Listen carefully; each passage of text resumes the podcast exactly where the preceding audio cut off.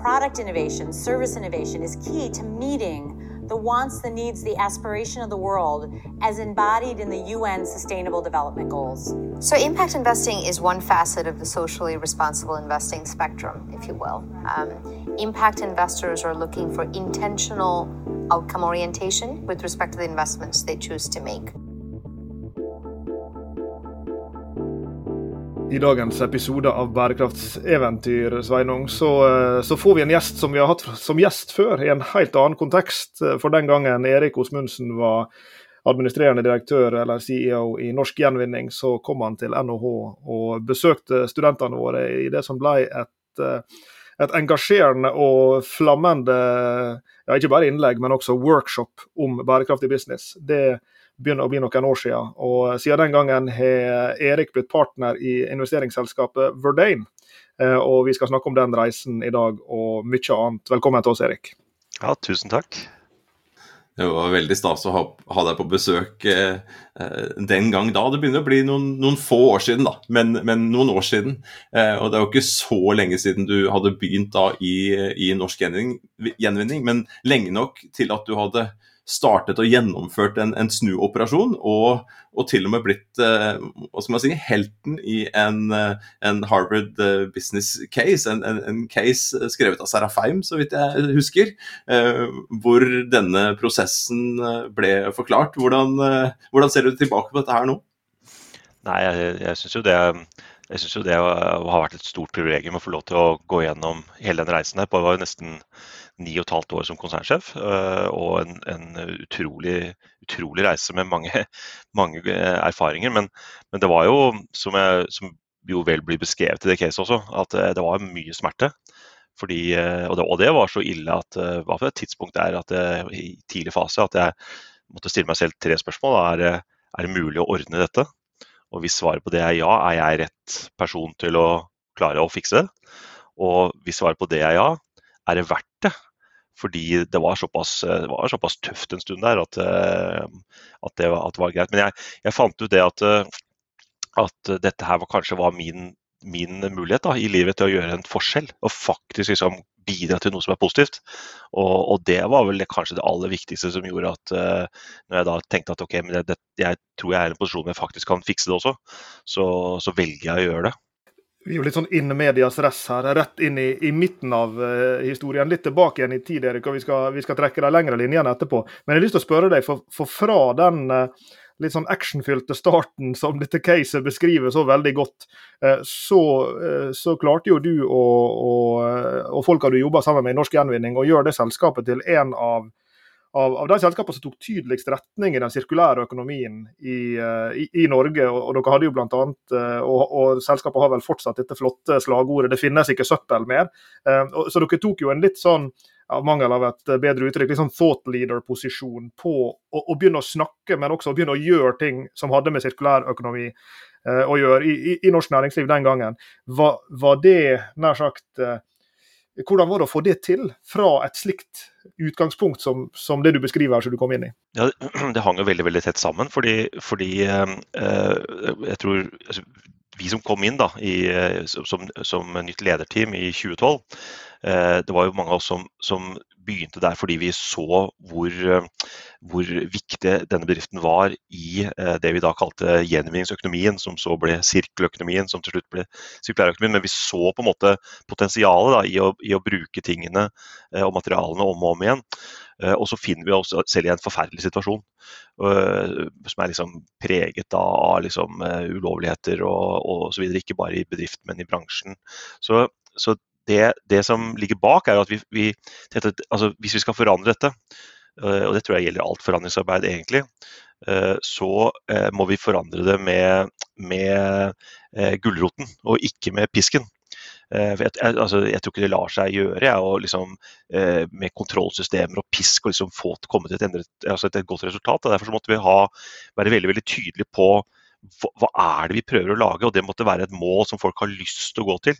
Og Derfor så brukte vi enormt med tid helt eh, på begynnelsen på å prøve å artikulere alt det fine som vi, vi følte da vi begynte, da vi tok jobben. da, og når vi sto på morgenen, Selv om det var en fortvilt situasjon, så var det liksom utrolig mye fint med den bransjen og det selskapet. Og, og, og, og det var ut av det det kom dette da, det fins ikke søppel mer, og gjenvinningsøkonomien, sirkeløkonomien, sirkulærøkonomien og så videre, fordi det var retningen som vi så prøvde å, å få alle, alle, ansatte til å gå i takt mot. og Vi, alle, eh, eh vi skulle rekruttere til å være enig i osv. Så, videre. så det ble liksom vår, vår, gulrot eh, til, til et, en situasjon som skulle være mye bedre. Jeg syns jeg så i nyhetene her for ikke så lenge siden at Norsk Gjenvinning kom seg veldig godt ut av en, en omdømmevurdering. Ja, altså det, det, jo, det, det, der viser jo egentlig forandringens kraft. Fordi vi, vi, sitter da i en fortvilet situasjon i 2012. Eh, fem år etterpå, eh, i 2017, så er vi altså nummer 11 eh, på beste omdømme i Norge. Eh, av alle norske bedrifter. Og det er drevet av en eh, nummer én-posisjon på, på, miljø og en nummer tre-posisjon eh, blant alle norske bedrifter på, på, eh, Corporate Social Responsibility, CSR. Og den posisjonen den har, har Norsk Gaming beholdt til, til uh, i dag. Så vi har liksom kommet helt opp på toppen i omdømmet. Og jeg tror, søren meg, jeg tror det er det beste omdømmet av B2B-selskaper, at de andre selskapene er mer kjente selskaper da, som folk har et forhold til. For det, dette er jo Ipsos som går ut på gaten og spør folk liksom, hvilket selskap er det du har, liksom, har, tenker har, har, et best forhold til, da, eh, eller er best på miljøet. Så, så, det var jo ganske interessant. Men det som er enda mer interessant, det er jo kanskje at eh, fra da eh, 2017 og til i dag, så har vi jo vært nødt til å bruke veldig veldig mye tid på å tenke på hvordan skal vi gjøre en sånn posisjon til et konkurransekraft. Uh, og, det, det, og, og, det, og, det, mener jeg at selskapet har klart nå. så Vi liksom har kommet til en posisjon uh, inn i kanskje 2020 et eller annet sånt nå, hvor, hvor, på en måte dette blir til markedsandeler. Hvor dette blir til på godt norsk decommoditization, bedre marginer. og, det gjør at vi jeg, jeg, merker veldig mange andre bedrifter i dag. De, de lurer på vi, vi, må jo på en måte posisjonere oss i forhold til denne megatrenden som er bærekraft. Men man søker etter hvordan skal man Er det bare markedsføring, eller? Er det bare kostnader? Er det bare risikoreduksjon? Eh, eller kan det være noe mer? Og det, Den reisen har vi da vært på i ti år, og det er jo et stort privilegium å, å ha den erfaringen i disse dager, syns jeg. Du tok jo utdanninga di i sin tid på, på, BI, og så dro du vel videre til Harvard, gjorde du ikke det? Jo, stemmer. Ja, og, og du har vært tilbake på Harvard seinere også i, i, i, masterutdanningen der borte, på executive-utdanninga, hvis ikke jeg tar feil, med denne casen og, og pratet om det der borte. Hvordan, hvordan blir det tatt imot i den konteksten der? Altså, eh, det, det, er, det, er, ikke på executive, det er på selve hoved-MBA-kurset. Mm. Eh, på det mest populære kurset nå, i, på electives, eh, som er altså på, der du kan velge. Da. Og det faget heter Reimagining Capitalism. Og det er ganske interessant at Her sitter man altså på Harvard Business School, og så har man det mest populære kurset er å reimagine capitalism. Og hele, hele grunnen er at capitalism is broke. Eh, det leder til resultater i samfunnet og i miljøet osv. Eh, som vi, vi, ikke ønsker. Eh, but we have no better system, so we have to figure out how to fix it. Og Det bruker man altså et år på på Harvard da, i dette populærkurset på å diskutere da, for det første hvorfor det er broke, og hva slags type eksternaliteter osv. Som, som uh, dette fører til. Men deretter så snakker man jo om selskaper som har klart å bryte gjennom og gjøre noe nytt. og Der er vi turnaround-caset. Eh, og det har gjort at eh, siden vi lagde dette, dette caset for mange år siden, så har jeg vært på Harvard hvert eneste år. Og, og, og, vært med i klassen og, og, pratet med studentene om dette. Så, så en sånn forelesning hvert år, det er sånn highlight i året. Vi har en kollega på, på Berkeley i California som uh, som er av norsk avstamning. Han er amerikaner, og, og, han eh, driver og skriver en bok nå om uh, den, den, nordiske kapitalismen. Og, og, eh, og, driver og etablerer et senter for, for Nordic Business på, på Berkeley. Og, Inntrykket mitt er jo at, at det faller litt i to leirer, kall det mottakelsen her. da. Altså Du har de som, eh, som rister på hodet av dette sosialistiske eh, universet oppe ved Nordpolen et sted, og hva skal det lære oss her borte? Og så, er det de som, som, tenker at jøss, her er det en liten kapsel av, av, eh, en spennende måte å drive business på som vi kanskje kan inspirere oss av. Hvordan er, er er mottakelsen når en kommer og snakker om et norsk gjenvinningsselskap til amerikanske elitestudenter på Harvard? Den er fantastisk. Nå, men dette er jo litt sånn speaking to the choir. Da, fordi eh, det er som, eh, det er som uh, professor George Serafheim sier, at når, du, når til og med liksom, Michael Porter går rundt og snakker om bærekraft, da er, da er det vendt om. Så, så jeg, det, jeg, jeg, tror liksom, jeg, tror ikke det er studentene på østkysten eller på, på Ivy League-skolene på øst- og vestkysten. Det er, ikke, det er ikke der slaget står. De tror jeg er veldig mye de, i linje med det, det som eh, vi tre og veldig mange i Norge mener, at liksom, bærekraft er, er, utrolig viktig og, og, og, skaper konkurransekraft. Jeg tror det er mye mer liksom, i USA, i Midtvesten, som er mer liksom, de som man vil ha vanskeligere med å få med seg på den reisen. Da. Jeg lovte at vi skulle trekke en lang linje, Erik, og vi har jo snakka litt om bakgrunnen din nå. Jeg kunne tenke meg å, å, høre, for Det var ikke sånn at du gikk en, en avfallshåndteringshøyskole et sted for å bli konsernsjef i, i Norsk Gjenvinning. Eh, du, hadde jo en, en, litt annerledes reise. Kan ikke du bare fortelle raskt om den? Og så kunne jeg godt tenke meg et, et lite tilleggsspørsmål her. Og det er, Når var det dette bærekraftsfokuset dukka opp? Altså Lå det der latent og bobla hele veien, eller, eller var det noe som, som utløste det i din ferd mot uh, først norsk gjenvinning, og så der du er i dag i, i, eh, i finansbransjen? Ja, du, kan, du, kan, si at jeg, jeg, jeg startet jo etter, etter jeg var fullført eh, siviløkonom, så startet jeg McKinsey. Uh, egentlig med en tanke om at jeg, jeg, visste ikke helt hva jeg skulle bli, så da valgte jeg bare å fortsette uh, studiene på en måte. Altså fortsette å, liksom, å lære maksimalt i, i, en, i, en, konsulentverden med ulike bransjer og ulike typer prosjekter osv. Og, så og holdt jo på med det i, i, fem og et halvt år før jeg da tok denne MBA-en på, på, Harvard. Og så var jeg i Kistefoss, i Venture Capital.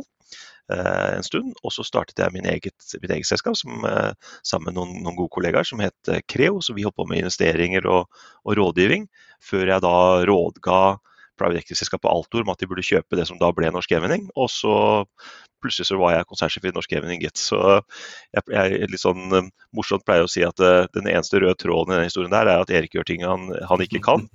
Uh, og, Velkommen til denne klubben. Ja. jo, men Fins det noen annen klubb å, å, å jobbe i enn uh, å, å, forsøke å utforske ting man, man ikke kan? Der, jeg liker jo veldig godt det der studentperspektivet ditt. da, Den evige studenten uh, gjennom ut i McKinsey. Og så selvfølgelig har du vært mye mer enn en student. Altså, men det å, ta en sånn type studentrolle, eller en lærende rolle i en sånn uh, snuoperasjon i et selskap, jeg tror ikke det er et dumt, dumt utgangspunkt. Nei, og det, det er, her er jo folk forskjellige. ikke sant? Så jeg, Når jeg da har byttet til å bli partner i Verdane, så er jeg på samme dype vannet nok en gang. Man, jeg, jeg, har liksom vent meg til å kaste meg ut på dypt vann, og så er det litt sånn ubehagelig første halvåret. Og, og så liksom begynner det å bli bedre og bedre ut mot et år, og så etter et, et år eller to så blir det liksom føler liksom at du mestrer det igjen, da. Men det er liksom det å, det å, sette pris på den følelsen, og at læringskurven er så bratt, det er, det er jo for spesielt interesserte, kanskje. Jeg, jeg vet ikke. Men, um... og, inn i den læringskurven så kom altså bærekraft et eller annet sted, og, og vi studerte vel omtrent samtidig da våre, våre siviløkonomutdanninger, og det var jo ikke mye snakk om, om, bærekraft på den tida der. Altså, du snakker om å komme tilbake til, til Harvard da, og, og, jobbe med å reimagine capitalism. Eh, det var vel eh, reinspikka capitalism vi, vi lærte i, i sin tid. Så, så, Lars Jakob, bare for å følge opp spørsmålet til Lars Jakob, hvor var det dette her bærekraftselementet kom inn i, i arbeidet her? Jeg, jeg, jeg, har, jeg, har, tenkt litt på det, og, og, og vil ikke, jeg, vil, ikke, kalle det bærekraft, men vil kalle det liksom kimen til å tenke på sånne type spørsmål. Um, det, det, jeg, satt, um, jeg satt uh, i to forskjellige situasjoner i McKinsey. Eh, en negativ situasjon hvor liksom, eh, det var veldig stort peer pressure på å gjøre noe som ikke var riktig. Eh, og eh, hvor det sitter en, en tidligere kollega eh, som heter Kai og sier at det vil han ikke være med på. fordi han har tenkt igjennom liksom, hvordan han ønsker å, å, leve sitt liv. og han er veldig lei seg for at liksom, han nå kaster ikke bare sine nåværende kollegaer, men tidligere kollegaer under bussen, men han er nødt til å liksom, gjøre det som er riktig, og ikke bli med på noe, liksom. Og så sitter jeg med en annen venn av meg som heter Trond, på restaurant. Og vi har helt åpenbart eh, brukt de timene som skal til for å spise overtidsmat. men han krøller allikevel sammen med kvitteringen og kaster den, ikke sant? i stedet for å ta den med til regnskapet. Og så spør jeg liksom, hvorfor gjør du det? Vi, vi hadde jo helt åpenbart rett til, å, til å, få, å, få, dekket denne middagen her. Så at ja, vi hadde rett til det vi sånn etter boka, men vi sitter jo her fordi vi er venner. Ikke fordi vi har jobbet overtid. Eh, og derfor så Selv om det er rett, så, så er det ikke riktig. Eh, og Derfor så velger jeg å gjøre det på den måten. Og Så tenkte jeg fælt på disse hendelsene, og begge to hadde gått på Harvard. Eh, og Det gjorde at jeg hadde ikke noe behov for å ta noe MBA. Jeg hadde ikke aldri tenkt å ta noe MBA. Så, men jeg tenkte at nå skal jeg dra dit for å finne ut hva det er de har i maten der borte. og, og så og, og brukte litt tid der borte på liksom å, å, å, forstå liksom de etiske sidene av forretningsproblemer. Eh, og eh, jeg tror det var veldig de, altså, de, de, tingene der og de tankene jeg gjorde meg der, da, som både gjorde at jeg var kanskje ble litt tøffere til å, hoppe ut på dypt vann. Kanskje at jeg liksom øh, Når jeg fikk spørsmål tror jeg kan gjøre dette, liksom, er det verdt det? Altså, de refleksjonene jeg gjorde meg senere i Norsk gaming, det, det, tror jeg kom ut av en, en, en, en serie refleksjoner.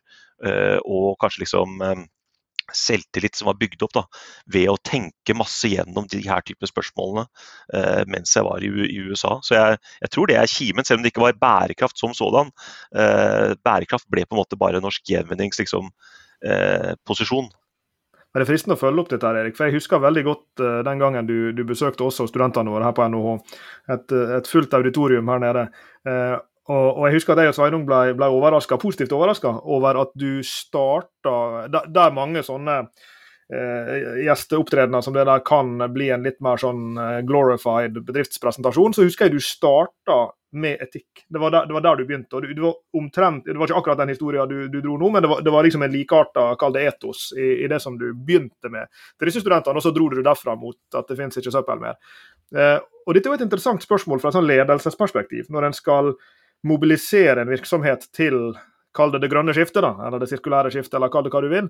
Um, I hvor stor grad altså fordi Her er jo i dag businessmessige grunner for å gjøre det, og, og ledere har blitt flinkere og flinkere til å artikulere dem. Men i hvor stor grad har du spilt på disse kall det etiske strengene i, i, i din egen sånn ledergjerning rundt å mobilisere virksomheter til å ta sats? Det er veldig, veldig, veldig mye, egentlig. for hvis du, hvis, du, ser til i dag, da, så spiller jeg veldig på business-strengene. Og Det er fordi jeg, jeg, altså jeg syns budskapet er så viktig, og jeg ønsker å få det ut til et mye mye bredere publikum. Og skal det liksom nå bredt og liksom virkelig monne, så tror jeg vi må spille på business-strengene. Få folk til å skjønne at bærekraft er konkurransekraft. ikke sant? Så det, så det er, det, det, det, er det jeg liksom mestrer om uh, veldig mye i disse dager. da. Men, men eh, tilbake i 2012 så, så satt vi og altså, vi, Eh, vi, vi, hadde et, et, et styremøte med, med, hvor da styreformannen sier at uh, Reiner, som dere sikkert også kjenner, han sier det at, at uh, dette var jo absolutt ikke det vi, vi hadde lyst til å høre. At det, var, at det, var, sånn vi har gjort en investering her, og det er liksom en, blir en turnaround-investering i stedet for en, en, en vekstinvestering. Men vi, vi, vi, setter oss i, i, samme båten som dere, så lenge dere er 100% transparente, og så lenge dere kan finne ut hvordan dere kan gjøre dette over tid som et konkurransefortrinn. Og klart at i 2012 da, altså Jeg satt, satt i altså, avhør med Økokrim. altså Hvordan gjør du det til et konkurransefortrinn? ikke sant, altså vi, vi, hadde, vi hadde jo ikke peiling. ikke sant, uh, og, og, Det dreide seg om at vi hadde en lang liste av liksom short term pains. og De visste vi nøyaktig hva var og omtrent hva de kostet. Det var store penger. Og så hadde vi en lang liste over ting som var potensielle long term gains, men det var liksom prøve og feile og visste ikke. ikke sant, så vi, for veldig mange, På veldig mange måter så var det det å ta tak i uh, følelsen av å gjøre ting ting rett. Eh, følelsen av å være med på noe godt. Eh, følelsen av at dit har jeg lyst til å dra, jeg har lyst til å være med på den reisen. Eh, det, det var det som gjorde at vi, at vi selv klarte å, å, motivere oss gjennom en tøff periode. Det var det som gjorde at vi klarte å få med oss liksom, de fleste av, av ansatte på, i selskapet og attrahere nye talenter. og som igjen da gjorde at vi utløste en, en, en, bølge av innovasjon osv. basert på ny kunnskap da, som vi fikk inn i bedriften. Så, så det, var liksom, det, det, var egentlig et, etikken og følelsen av å være med på noe som er godt og rett, da, som jeg tror liksom skapte den motivasjonen og den, den, attraktiviteten til bedriften i tidlig fase. Og så er jo alle disse businessgrunnene det er jo egentlig ting som har kommet etter altså 2017 og 2018 osv. Så, videre. så for, for så lang tid tok det.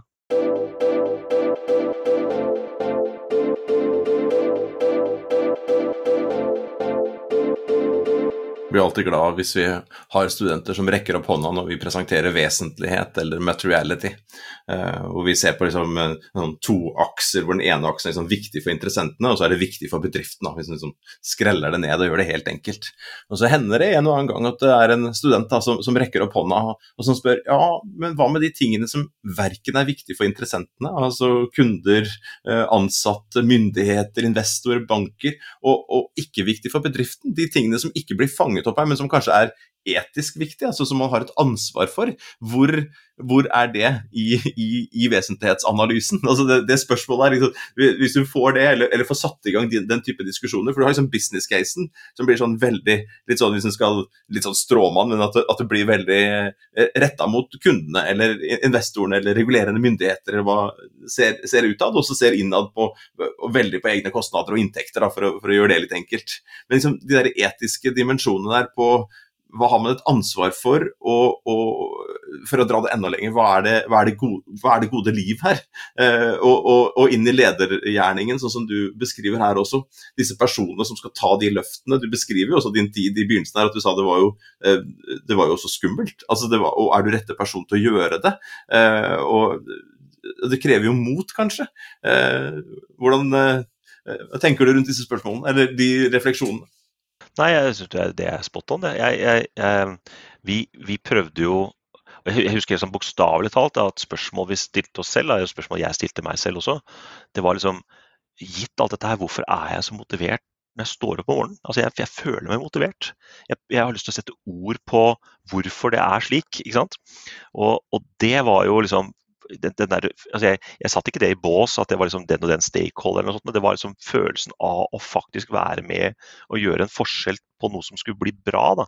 Eh, og det var utover at, eh, at, noen skulle tjene mer penger eller at noen skulle, kunder skulle bli mer fornøyd. Det var liksom dette er rett. ikke sant? Eh, og, så, så, så, så, det var ut av det var, det, var, det var, ikke lett, altså, for det var ikke lett å prøve å artikulere da Ok, men hva betyr det? Altså det, det, det var det som endte opp i at det finnes ikke søppel mer. Altså det, det, var et stort arbeid. Jeg hadde kjøkkenet fullt av gullapper. Uh, vi var en gjeng som satt og, og spilte ball på dette her. Og, og, og det, ble bare et slagord, da, men det kom litt sånn ut av, ut av chance, liksom. Men, men, det var fordi vi satt og dvelte ved nettopp det spørsmålet. Hvorfor er det slik at vi nå føler oss så motiverte. Hvordan kan vi sette ord på det og gjøre andre motiverte? Eh, rundt, og, og, og, Det som gjorde oss motiverte, var jo det at vi har ønsket å, å, å bidra til å, til å la, lage en mer, altså gjøre en bærekraftig bransje til eh, faktisk bærekraftig. Da. Altså det å, og, og, det var liksom the right thing to do. Um, så nå glemte jeg faktisk det andre spørsmålet ditt. Nei, Det var egentlig et fryktelig dårlig formulert spørsmål. Jeg reflekterte litt om hvor er det etikken møter kall det business case for, for bærekraft. da. Uh, og så er det ikke alt som vi klarer å fange opp i business case. Det er jo en del ting som, som går utover det også, og så går det inn i, i lederen og lederens rolle. Eh, og Nå har du jo blitt partner da, etter ni og et halvt år, så gikk du ut av denne CEO-rollen i, i, i, Norsk Gjenvinning, og så har du blitt partner i et, uh, et investeringsselskap, det vi kaller private equity-selskap. Og Der har du en annen rolle. Nå jobber du på, på finanssiden. Eh, hva er det du tar med deg? Eh, og hva, jeg tenker liksom, med, med all den eh, gründererfaringa, CEO-erfaringa eh, du har gjennom, gjennom, karrieren, da til å sitte på andre siden og kjøpe opp selskaper, eh, hvor jeg antar dere jobber veldig tett med både styrer og toppledere og hele lederteamet, og kanskje også dypere ned i organisasjonen. Hva er det du tar med deg av erfaringer fra en sånn CEO-rolle inn i en sånn investor partnerrolle? Nei, nei jeg, jeg, jeg, brukte jo ganske lang tid på å finne ut hva jeg hadde lyst til å, å gjøre når jeg blir stor. Da. Jeg satt jo da jeg, fysisk i disse koronatider oppe på hytta og tenkte først at nå skal jeg bruke god nok tid til å tenke på hva, hva slags type ting jeg har lyst til å jobbe med. Eh, og ut av det så, så kom det fram at eh, altså jeg syns den erfaringen vi har med å Eh, eller jeg har hatt da, med å jobbe med, med bærekraftig praksis. Og det å faktisk liksom, eh, kulturforandring, det å faktisk eh, skape en, en, en, kommersiell suksess basert på bærekraft, at det, det er ting som, som eh, eh veldig mange eh, sliter med i dag, og som har behov, om de har behov, for å, måte, å, å, å, finne praktiske løsninger på. Så jeg hadde lyst til å jobbe med det. Eh, og da jeg liksom, hadde artikulert det for meg selv, da, så, så satt jeg og tenkte på ok, da er jo neste spørsmål hvilke mennesker er jeg har lyst til å jobbe med? Det var faktisk viktigere enn liksom hvilket selskap eller hvilken side, om det var på investeringssiden eller, eller, eller liksom på selskapssiden. Fordi eh, det er et eller annet med å, å, å ta og føle på det at uh, de kollegaene du skal møte hver dag, da, de, de, har hjertet på rett plass. og uh, de, de, liksom, uh, Du har et og, altså jeg, jeg, synes, Det er ganske unikt, syns jeg. da, for Det jeg opplevde med, med Verdain, da, var liksom mennesker som pratet om ydmykhet og de pratet om teamarbeid. ikke sant? Og det, og det er sånne type ting som jeg setter veldig veldig pris på. Så, så jeg valgte jo egentlig Verdain da gi liksom en palett av liksom andre ting som både var operative roller og investeringsroller, eh, basert på menneskene i det. Så Det var de to tingene som, som gjorde det. Uh, og så kan du si at hvorfor, Hvis du koker ned hvorfor jeg tror det var en, en god idé, da, det, det, det, det, får vi jo se. Tiden vil jo vise det. Men det er jo at eh, vi, vi, vi, har altså, vi, har altså, vi investerer i Eh, bærekraftige investeringer. Og Måten jeg ser, det på, da, eller vi Verdane ser det på, er at eh, Norden er et slags laboratorium nå. Hvor eh, vi ikke bare er veldig langt fremme på teknologi, eh, men vi er også veldig langt fremme på bærekraft. Og med, med, det så mener jeg ikke bare det som er i, i debatten sånn i samfunnet, men hvis du drar til Wärtsilä eller Nesté eller Fortum, eller du drar ut i Yara, altså du drar ut i disse store selskapene, så har det jo blitt kjernen i den strategien deres. Ikke sant, på hvordan, eh, altså Wärtsilä tror ikke at du skal, skal, skal, ikke selge et skip i fremtiden eh, som ikke skal ha en motor som både kan gå på ammoniakk og hydrogen. Fordi, fordi at det skipet skal jo leve 30 år, du er nødt til å ta de grepene i dag. Og det, det, vi, vi, er kommet et sted i Norden da, hvor vi, hvor vi eh, har de tingene der, samtidig som vi har det sikkerhetsnettet som gjør at folk tør å ta sjanser. Eh, vi har sosial mobilitet som gjør at de beste hodene kommer frem. Altså, det er veldig mye bra da, ved det nordiske eh, eh, laboratoriet, men det trenger vekstkapital. Eh, fordi etter hvert som det har kommet så mange gode selskaper på så mange forskjellige aspekter av teknologi og bærekraft osv. Eh, de har kommet gjennom seed-fasen og gjennom venture-fasen. Nå trenger de vekstkapital, slik at de kan gå internasjonalt og ta de store mulighetene internasjonalt. Og Det synes jeg er, altså, det er spennende å bruke den erfaringen vi hadde for å gjøre det i praksis i et konsern, da, Norsk Gaming, til å hjelpe både til å gjøre gode investeringer for å prøve å finne selskaper som kan ha en tilsvarende reise, som kan bruke de tilsvarende verktøyene for å skape motivasjon og liksom ny produktutvikling osv. Og, så og så hjelpe de å bli globale ledere. Og da, eh, til forskjell fra det man kanskje har sagt før, da, i, i, i, Norge har man ofte tenkt at man skal lage et selskap eh, og få det stort, og så skal man selge det til amerikanerne, og så har man penger. Mens, mens, ambisjonen her er jo å gjøre dette selskapet stort, og så kjøpe amerikanerne. og liksom faktisk eh, lage de globale lederne på teknologi og bærekraft. Og Der tror jeg vi har et, et sånt tidsvindu nå da, som er veldig, veldig eh, bra. Og det var det jeg hadde lyst til å prøve å prøve å posisjonere seg meg innenfor. da. Det er musikk i våre ører, dette. Jeg og Sveinung har jo på samme måte vært talspersoner for hvorfor skal ikke Norge være en sirkulær eksperimentlab for hele verden? Hvor vi kan, eh, kan teste og, og, etter hvert rulle ut og eksportere disse, disse løsningene til, til, resten av verden. Så det er veldig spennende å høre, høre deg artikulere dette. Men jeg klarer ikke å dy meg, Erik, fra en liten eh, etymologisk fotnote. For offline, før vi starta samtalen her i stad, så fortalte du oss om dette navnet Verdane. Vi sagt alle tre, og, og det kan jo høres ut som noe som ble født på på Manhattan en eller annen gang. Men det kommer, fortalte du oss, av gammelnorsk verdandi. Eh, og det betyr eh, det som er i ferd med å bli. Eh, og Det er jo treffende med det som du snakker om nå, fordi det, det handler jo da om kanskje en, en, type selskap, en type løsninger, en type teknologier, en, en business-tilnærming kanskje til og med, som en da velger å investere i for å forløse den, for å få den til å skalere, for å få den til å, å bli suksessfull, som du sier. Og, og Da er jeg jo litt nysgjerrig på om du, om du kunne fortalt oss litt om Altså investeringsfilosofien i den forstand. Er det slik at dere leter etter selskap som er kalt born green, disse virkelig grønne selskapene som, som, trenger hjelp til å vokse? Er det slik at dere finner det, teknologiselskap som har løsninger som, som kan, uh, ha, kan, bidra til bærekraftsforbedringer? Altså, jeg, jeg, kunne godt tenke meg å høre deg grave, grave deg enda dypere ned i hvordan dere tenker rundt bærekraftens plass og bærekraftens natur i disse investeringene dere foretar. Mm. Uh, du kan si uh, Verdane har, har, jo holdt på uh, eh, har sin spede barndom fra venture capital liksom på, på før, før, årtusenskiftet. Og så ble det Verdane i 2006, og det er jo gjennomført liksom, mange hundre investeringer. Så, så eh, det store måte, fotavtrykket historisk sett da, har jo vært software Eh, og e-commerce. Så, så, den teknologivinklingen har vært veldig veldig sterk. Eh, nå, eh, Det som jeg jobber med, er jo da teknologi og bærekraft samtidig. Og Det som er interessant med, med, med det, er at jeg, tror på samme måte som vi i Norsk Gjenvinning prøvde å finne Eh, ut hvordan vi skulle på en måte bli gjenvinningsindustrien. Hvordan skal vi bruke bærekraft til vår fordel? Så sitter vi i vurderingen og lurer på hvordan skal vi i investeringsverden eh, eh, på en måte push the needle, da, for å, en godt norsk, innenfor bærekraftige investeringer. Fordi det er det jo ingen som har funnet ut av. Det er jo ingen som vet hvordan gjør vi det. Eh, vi har liksom eh, ikke helt satt, eh, så gode satte kriterier, vi vet ikke helt liksom, hvordan skal man gjennomføre det i praksis. Så, så, så, det vi har sagt er jo akkurat samme som Norsk Gaming, det vet vi ikke helt hvordan vi skal gjøre, men vi skal søren meg prøve å, å, ligge i teten på det. Og da har vi laget en, e, en egen Impact Investment Committee Eh, som investeringsbeslutningene må gjennom. Vi har laget et egen eh, impact eh, assessment-spor, hvor vi da samtidig som vi vurderer selskapets liksom, finansielle robusthet, da, så vurderer vi om selskapet faktisk er bærekraftig. Og Da ser vi på fire faktorer, hvor vi ser på, på altså, hva er intensjonaliteten i selskapet. Er det liksom noe som man sier for, som en del av marketing, eller, eller sitter i veggene?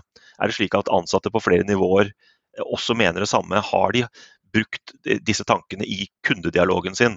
Eh, altså, vi graver dypt da, for å finne ut er dette liksom reelt sett et, et selskap som ønsker å være bærekraftig. Og så eh, bruker vi enda mer tid på å, å, se på målbarhet. Og Det er et veldig vanskelig spørsmål. For hvordan skal vi måle bærekraft? Så vi, vi, prøver å finne liksom en, en, en, en, scientific basis da, eh, eh, som, på, på liksom, hvorfor er dette bærekraftig. Eh, som, og, og, og, hvordan skal vi da måle den bærekraften i praksis? Og Da henger det sammen med det tredje spørsmålet, som er hvordan skalerer det? Så hvordan skal vi da, på samme måte som vi lager et budsjett da, som, som viser hvordan de finansielle resultatene skalerer, hvordan skal den bærekraften som er viktig og målbar, hvordan skal den skalere? Mens, eh, mens dette caset eh, både er i, i, vårt eie og, og der, deretter. Og til slutt så vurderer vi en, en rekke risikofaktorer. Og ut av det da, så kommer det ikke bare en, en, en bærekraftscore, som vi begynner faktisk å få en, en score som, som, vi kan si liksom, Vi har ikke satt sånn, hard hardcap på den ennå, men, men, det begynner å, du, du skal nok ligge 70-75 da, på, den, på, den, på det, der vi, der, hvordan måten vi måler på, for å faktisk hos oss være en bærekraftsinvestering.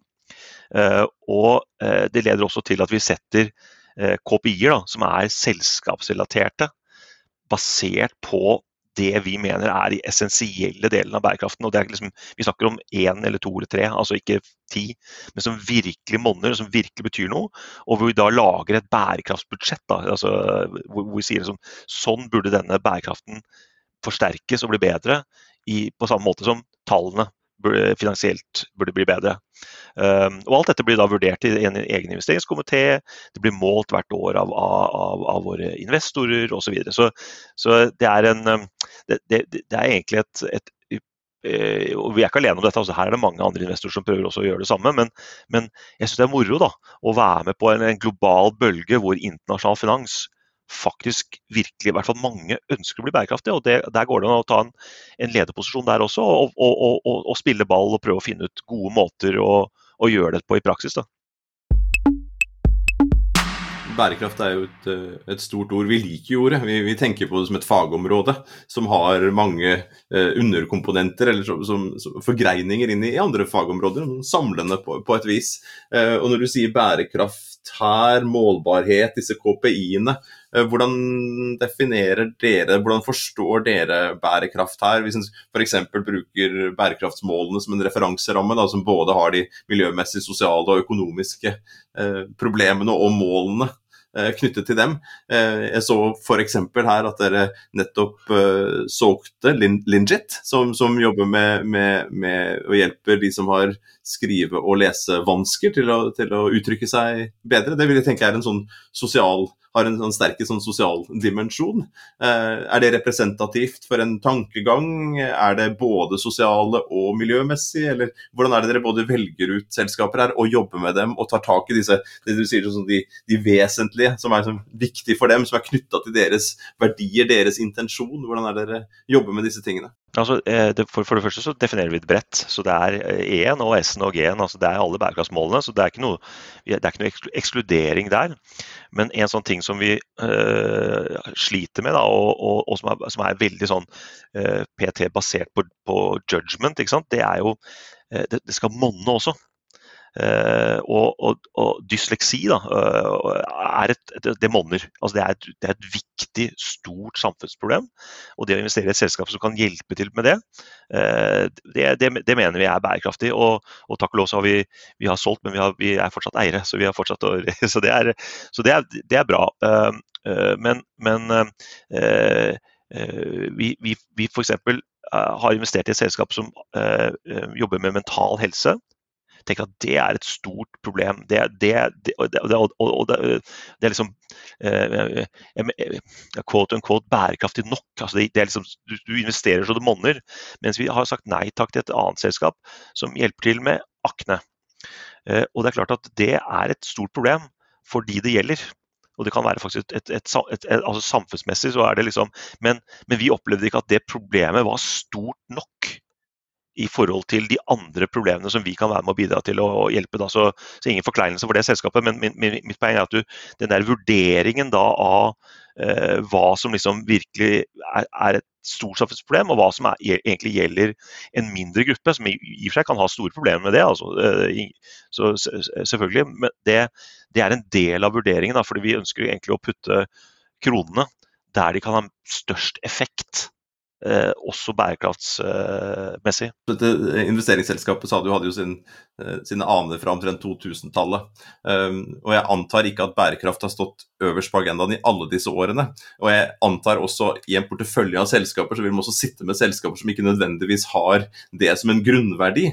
Uh, vi liker jo å snakke om ESG og I. Altså vi, liksom, vi prøver å dytte inn innovasjon inn sammen med ESG. Uh, hvordan, hvordan jobber dere da med selskaper som kanskje har vært i porteføljen en stund, eh, og som kanskje ikke liksom altså ikke, ikke, altså, Som ikke scorer på disse tingene ennå. Hvordan jobber dere med å, å, å ta tak i dem og, og, hjelpe dem i innovasjonsprosessen? Du er jo inne på en helt sentral ting, og det, det, er, det er, at Eh, eh, hvis du tar, tar Wärtsilä som eksempel, eh, så, så det, det, å lage svære dieselmotorer til skip eh, som, som, egentlig går på tung bunkersolje, eller det verste av det verste, det er jo ikke sånn i utgangspunktet verdens mest bærekraftige ting. Men det å altså skjønne da som selskap at det kan vi ikke holde på med, for vi kommer ikke til å få selge en eneste motor. Vi er nødt til å finne fremtidens liksom, drivstoff, enten om hydrogen eller ammoniakk. Det, det, det, er metaforen. ikke sant? Altså, så vi, vi, vi, vi, har jo eh, for lenge siden valgt å på en måte ikke fortsette med olje og gass og sånne type investeringer som vi hadde i tidlig fase. Eh, men for selskapene som, som, eh, som er i porteføljen, så mener vi at det er fornuftig å gå gjennom, uansett hvor du er på bærekraftskalaen, det er fornuftig å gå gjennom og tenke gjennom hva, hvordan er denne forretningsmodellen i fremtiden? Hvordan kan jeg endre min forretningsmodell til noe som er mer tidsriktig, eh, mer future-proof, som, som, som, da er bærekraftig? På tross av at du kanskje liksom, eh, ikke, ikke, var der du startet. Det, det, er den reisen der jeg tror liksom er, den er relevant for eh, for stort sett alle selskaper. Og det, Da er det relevant å ha eiere og det er relevant å ha styremedlemmer da, som, eh, som, har den erfaringen, har sett det før. Og som kan liksom eh, eh Man kan, kan være ballplank da, sparre med, med, ledelsen på sånne temaer. Så det tror, og det tror jeg gjelder egentlig rund baut. Altså.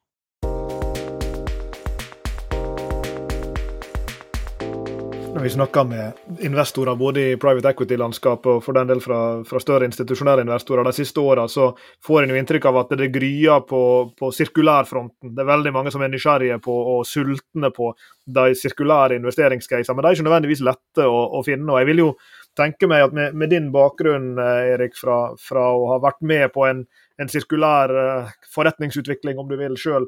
At du skulle ha en, både en interesse for og en, en nese for, for, det her. Og jeg, jeg, så jo på litt sånn kjapp lesning på, på nettsidene deres, så så jeg at dere har investert i BWE Group, hvis det er riktig, riktig uttalt, som driver med sirkulær termoplast.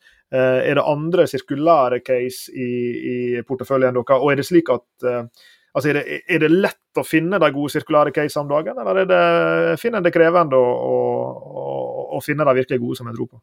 Ja, altså, det, det, generelle er jo øh, vi, vi, vi, Det var et stort spørsmål. Altså, kan, vil vi finne nok investeringer innenfor dette området?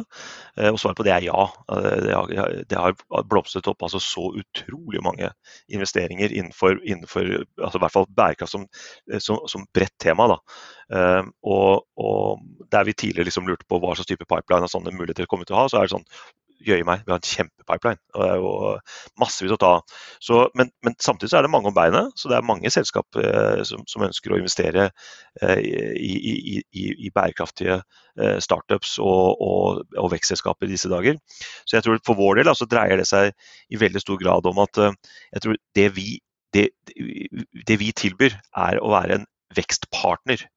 Så ja, vi har kapital, eh, og det trenger du for å vokse, men, men vi har eh, kompetanse Eh, i form av liksom hvordan du skal skalere en bedrift. Enten om det er organisatorisk, eh, IT-systemene, go to market-plan for å komme deg inn i Tyskland, hvordan du skal liksom eh, dissekere markedet ditt og prise, men også hvordan du skal posisjonere deg og jobbe med bærekraft som tema. Altså vi, vi, vi har den kompetansen, og vi har jo nå et eller annet mellom 30 og 35 ansatte som, vår, som bare hjelper bedriftene våre med den her type spørsmål, da, kan, som, som, er liksom on demand for bedriftene. Så, så der vi prøver å posisjonere oss i forhold til våre konkurrenter, det er at eh, ja, det er nok å ta av, men vi er den vekstpartneren. fordi at som, som eh, Enten om du er et stort selskap som skal knoppe av noe, som skal bli, ta, ta, en global uh, uh, vekstreise, eller om du er en gründer som har kommet opp i en viss størrelse og skal liksom, trenge vekstkapital, så er det viktigere, tror vi, da, hvem du har rundt bordet hvem du har å prate med, hva slags type erfaringer som faktisk du kan bringe til torgs for å hjelpe til å komme deg ut da, til Tyskland og, og Japan. Og, altså, øh, det, det, er viktigere enn at du makser ut liksom, eh, kronene i den runden, eller hva det måtte være. Så, så jeg tror liksom eh, ja, det er mye å ta av, og jeg opplever at, at vi blir, ofte en preferert vekstpartner. Da, som gjør at vi får gjort veldig gode gode investeringer og få være med på veldig mange spennende reiser hvor vi lærer enormt sant, om, om, om, nye områder eh, som, er, som, er, veldig bærekraftige. Lars Jakob og jeg vi, vi, later jo som vi er unge, men vi, vi vet at vi ikke er det. Det vi derimot har, det er mange unge lyttere. Eh, vi har et, et, av de største masteremnene på, på, på NHH nå med med bærekraftige forretningsmodeller. Og vi har veldig mange studenter som ønsker å jobbe med dette her.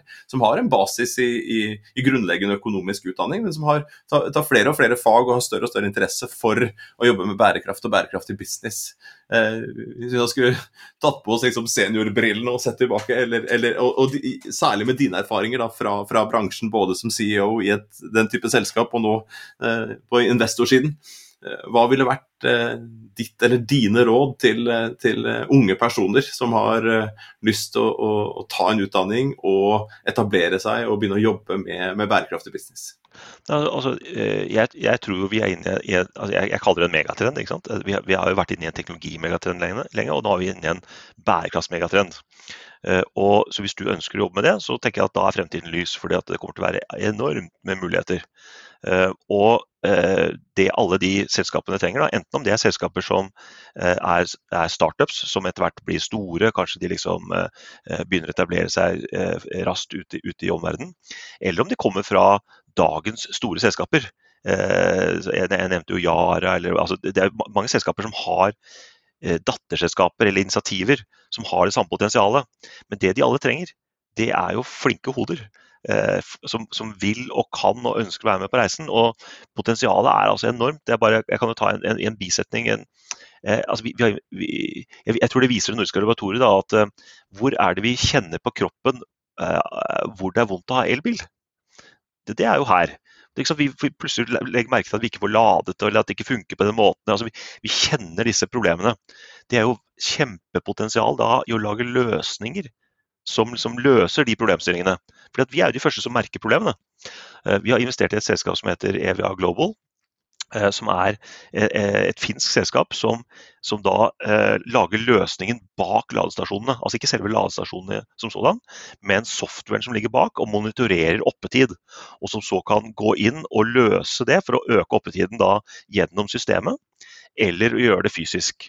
Og dette selskapet da, som startet liksom rundt et, kjøkkenbord i, i Finland for, for, et par år siden, eh, det vokser altså 600% i året og har nå tatt 30% global markedsandel på bare noen få år. og det, det, da, snakker vi om etablering i 27 land på 17 språk. Altså, det, det skriker etter talent eh, talenter. ikke sant?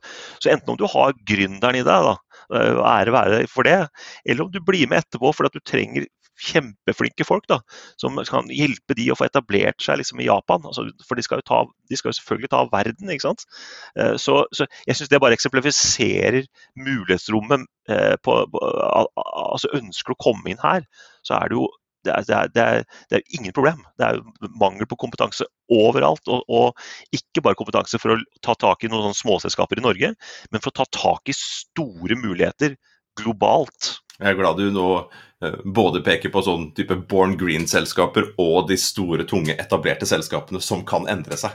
Og så er jeg glad du peker på både bærekraftsinteresse og kompetanse, men også mer sånn generell kompetanse. Å være flink, hadde jeg sagt. Å være en drivende god eh, medarbeider som kan være med å løfte dette her sammen med andre.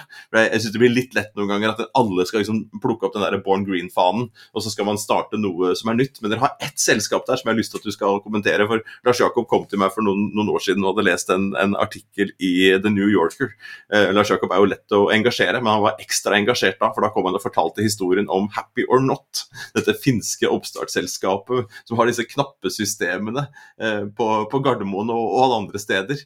Og hvordan det vokste opp fra en sånn ordentlig nerdeidé. For det er ikke akkurat born green, da, men det kan kanskje brukes i en, en grønn eller en bærekraftig sammenheng også. Har du vært involvert i det selskapet i det hele tatt, eller kjenner det? Nei, altså ikke noe mer enn at jeg kjenner det som kunde. Så jeg, jeg, jeg, jeg, ja, jeg skjønner.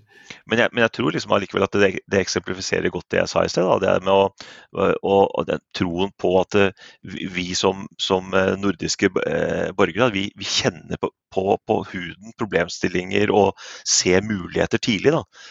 Og, og, det å liksom å tenke at nå skal vi lage et selskap som gir, gir instant feedback, så vi, så vi, kan gjøre noe med kundereisen. At, at, kundene skal ha det bedre. Og da kan ikke det være komplisert. For det kan ikke være sånn at liksom, du må laste ned noe. Må være, vi må gjøre det så enkelt som overhodet mulig. så Derfor så lager vi liksom, sånne knapper. Da. Og det, det, det, det, har jo vært en kjempesuksess. og jeg tror liksom eh, uansett om vi snakker om Det er lett å snakke om liksom, teknologi som tema, bærekraft tema, men til syvende og sist er det noen kunder som skal, eh, skal, like produktet, like tjenesten. Så jeg bare tenker at det å, det å aldri glemme det, og det tenker jeg som student eller som liksom, 50-åring. Eh, altså Hele tiden tenke at liksom, jeg skal sette kunden først. og skal både løse problemet liksom, ut fra bærekraft Jeg skal løse det for en kunde. Og Det var jo en av de viktigste tingene som vi skjønte i norsk gjenvinning. Det var at uh, bærekraft for norsk gjenvinning, det var ikke å gjøre norsk gjenvinning mer bærekraftig. Bærekraft var å gjøre kundene og leverandørene mer bærekraftige. For, for hvis du klarte å få det til å skje, da få økosystemet til å spille, da ble det stort, og da, da kunne det bli bra. Vi har jo truffet uh, Thomas Mørk mange ganger, som du jobba tett sammen med i Norsk Gjenvinning. og Han var også med deg over til NHH den gangen, og vi har fått til å diskutere med han mange ganger. og Jeg husker en av de tingene han, han kom med som en kommentar en gang. sånn, Vi burde ikke vært bli, altså Norsk Gjenvinning burde ikke bli betalt for å hente avfall. Vi burde blitt betalt for å ikke hente avfall. altså Det å hjelpe dem til å, å, å redusere avfallsmengden sin. Eh, sortere bedre, eller, eller, i det hele tatt gjenbruke, eller at det ikke kommer til oss i det hele tatt. Å være den partneren der. Men altså å finne den forretningsmodellen, det, det, det er ikke så lett. Men, men, men, rundt Happy or Not her, møter Norsk Gjenvinning her, møter disse store problemene der ute, møter disse studentene og, unge, og unge folk, eller, eller, folk i sin prime som oss, som ønsker å, å endre karrieren sin og gå ned denne, denne, denne type veien. da uh, happy or not der, som vi var, var inne på. Det kunne vært artig å ha en sånn Hacketon og det har dere kanskje også på liksom, ja, denne enkle teknologien som er kundeorientert. Uh, hvordan kunne den hjulpet bedrifter til å, til, å, til å, bli mer grønne eller mer sosiale? Eh, hvordan kunne man ta tak i eksisterende teknologi, hvordan kan man skalere det opp? Og hvordan kan man da eh, identifisere problemer der som, som, man kunne ha løst på nye måter? En av de morsomme tingene som Rashako kommer fra denne New Yorker-artikkelen, var jo det at de, de, fant ut i en møbelforretning at, at eh, da de var mest lønnsomme i løpet av dagen, var da kundene var mest misfornøyde. Eh, men, men, det var jo for at det var så mange, var så mange flere kunder der da. ikke sant?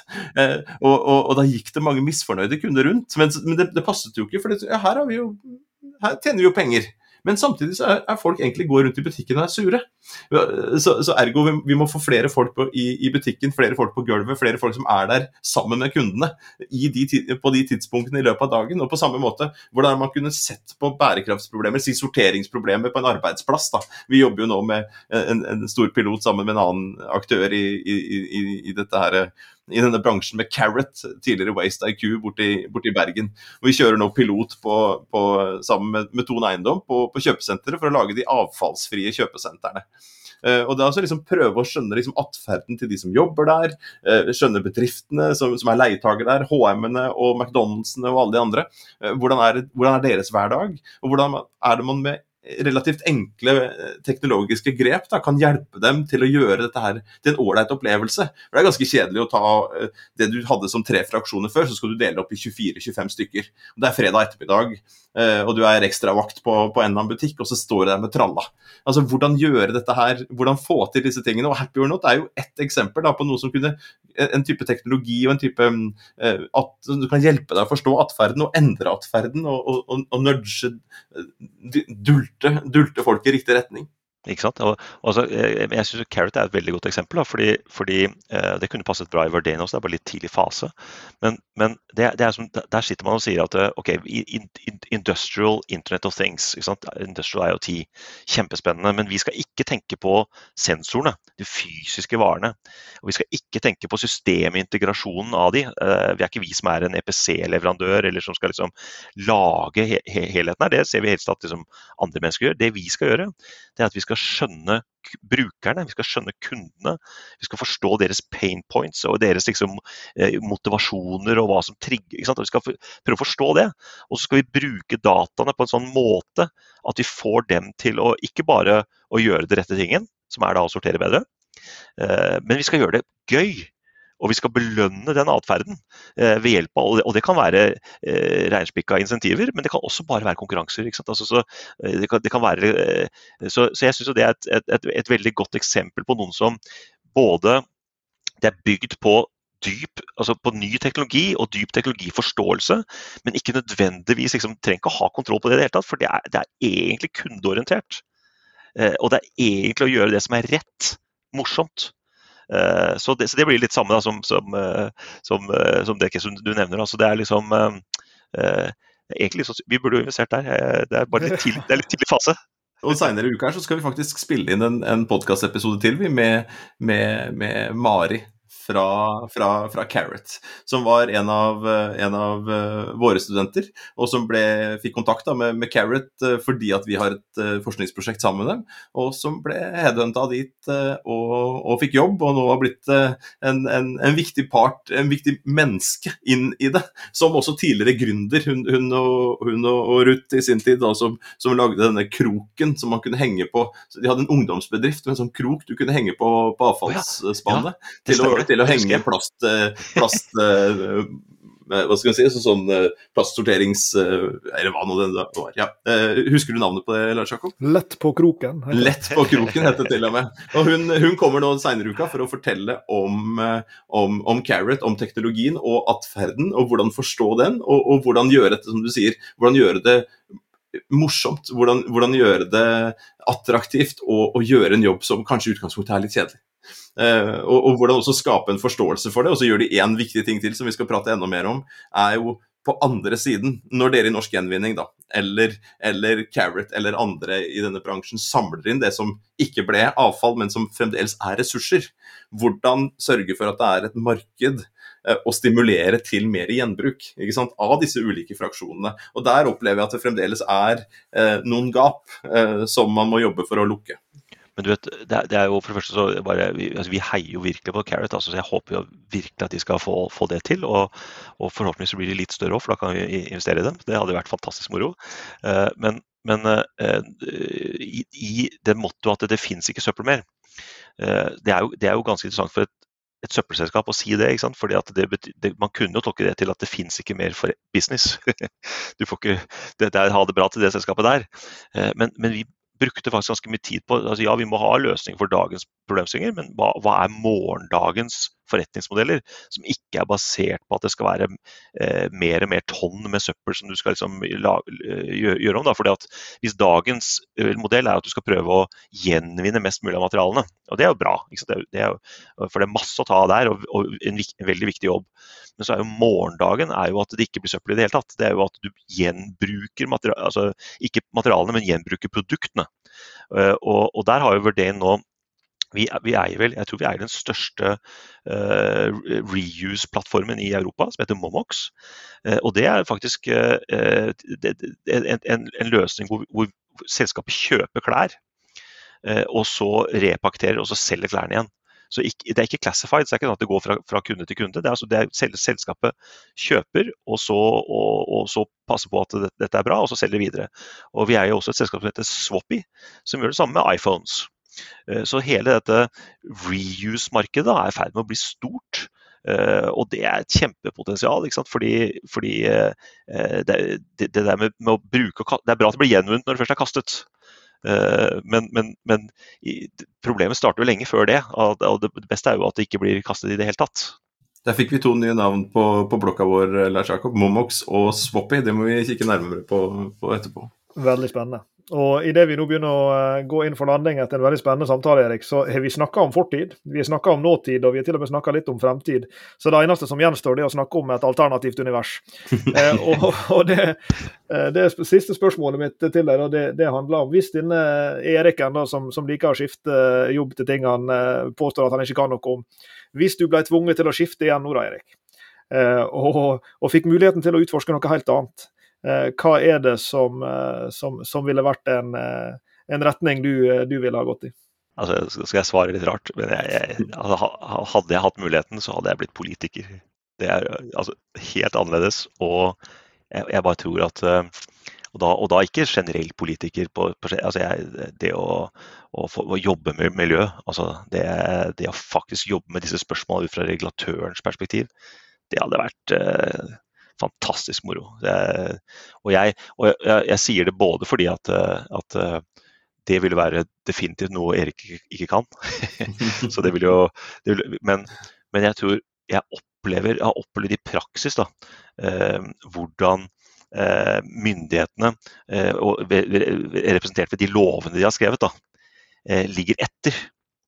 Eh, og det, var som jeg har sagt til eh, et par miljøvernministre, at jeg, jeg, skulle ønske, jeg skulle ønske eh, Klima- og miljødepartementet og Næringsdepartementet kunne sette ned en sånn, et sånn SWAT-team. og det SWAT-teamet det skulle gå inn og se på hva er altså, Prate med aktørene i, i bransjene og finne ut hvor er det liksom det, eh, det, det de største, problem, de største eh, bottlenecks, flaskehalsene, hvor, hvor, er det de er? Hva er det som gjør at ikke ting skjer sånn som det bør? Eh, og så får du sikkert flere hundre forslag på det, og så skreller du det ned til, liksom, til tre eller fem. Og så, og kan, og kan SWAT-teamet liksom jobbe med det og løse opp flaskehals for flaskehals for å faktisk få dette til å skje i praksis. Fordi jeg opplever at jeg opplever at uh, altså, politiske sykler er så korte. Da, uh, og, og, kunnskapsnivået som, som, trengs for å gjøre en forandring, det, det, det, det, er ganske dypt. Du skal kunne tingene ganske godt. Og det er ganske mange som driver med, med lobbying oppi det hele også. Så, så, det å faktisk ha, ha tid og anledning da, til, å, til, å, gjøre en forskjell på norske lover, som igjen skaper liksom grunnlag for alt det vi sitter og prater om her, det hadde jo vært fantastisk moro. Det kan jo hende her at du nå også komme med et, et, veldig godt råd til unge folk som har lyst til å, å være med å påvirke. Én ting er å gå inn i, i, business, som vi har snakket mye om i, i, i denne episoden, men det finnes mange andre roller, og det trengs eh, folk i ulike typer posisjoner her. Med kunnskap og, og, og med, et, eh, med, et, driv eh, til å gjøre ting. Og, og det også å kunne forestille seg en, en, en karriere på den regulatoriske siden, politikk eller til og med i, i byråkratiet, for å få dette her dette glassmaleriet, da, for å kalle det, for at det skal bli et helt bilde, ikke bare mange, mange skår. Men tenk deg, tenk deg altså, Dette kan jeg jo egentlig ikke noe om, så nå snakker jeg ut fra liksom hva jeg tror.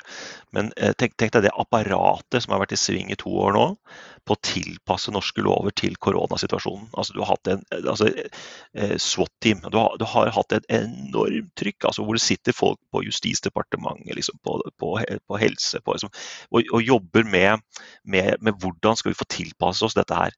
Tenk om man hadde brukt liksom, en tiendedel av den kraften. Eh, ikke, akkurat, ikke akkurat midt oppi pandemien her, men altså når, når, vi ikke har en pandemi, da, til å bare gjøre de forandringene som skal til regulatorisk. og Da prater jeg ikke om de store ordene og de store handlingsplanene. Sånn. Jeg snakker om å faktisk gå inn og endre lovene én etter én, kjørt igjennom. Altså, det hadde jo for det første, Du kunne gjort forandring så det monnet, ikke sant? og i tillegg så kunne du jo altså, virkelig skapt et grunnlag for konkurransekraft for, for Norge. Våre store podkasthelter her i verden er nok uh, When We Were Kings, som drar uh, fotball herfra til evigheten. Altså, når Messi skifta klubb fra Barcelona til, til, PSG her, så kjørte de en uh, ni timer Messi-spesial, som de delte opp i tre timer. Tre ganger tre timer om barndom, om, om, om karrieren hans og i mellomperioden, og da mot uh, det som har skjedd nå, da, mot, mot, PSG. Og jeg føler at vi kunne ha lagd lett her, uh, Lars Jakob og Erik. Tror du ikke det lagd en god nitimer her også, med uh, delt opp i tre? Men jeg tror vi skal ta også, også, også sette en strek, hadde jeg sagt, for i dag. Men jeg kjenner på meg at dette ikke er siste samtale, Erik. Vi har, et, vi har en, en, en, en engelsk podkast også med bare to episoder foreløpig. Vi ønsker å produsere før, og vi ønsker å invitere deg igjen til en til prat på, på nyåret, hvor vi, hvor vi, ser på en del av disse tingene i et, kall det et internasjonalt uh, perspektiv. Uh, og med det så må vi bare si tusen takk. Dette har vært fryktelig lærerikt. Uh, veldig morsomt. takk for praten, og lykke til videre. Ja, tusen takk for at jeg fikk lov å komme. Du har hørt på Bærekraftseventyr med Jørgensen og Pedersen. Send e-post til eventyr.krøllalfa.jorgensenpedersen.no for å stille spørsmål eller komme med forslag til tema for fremtidige episoder. Og besøk jorgensenpedersen.no for mer informasjon om denne podkastserien. Derfra kan du også fortsette samtalen med oss i sosiale medier på Twitter, Facebook, LinkedIn, YouTube og andre steder.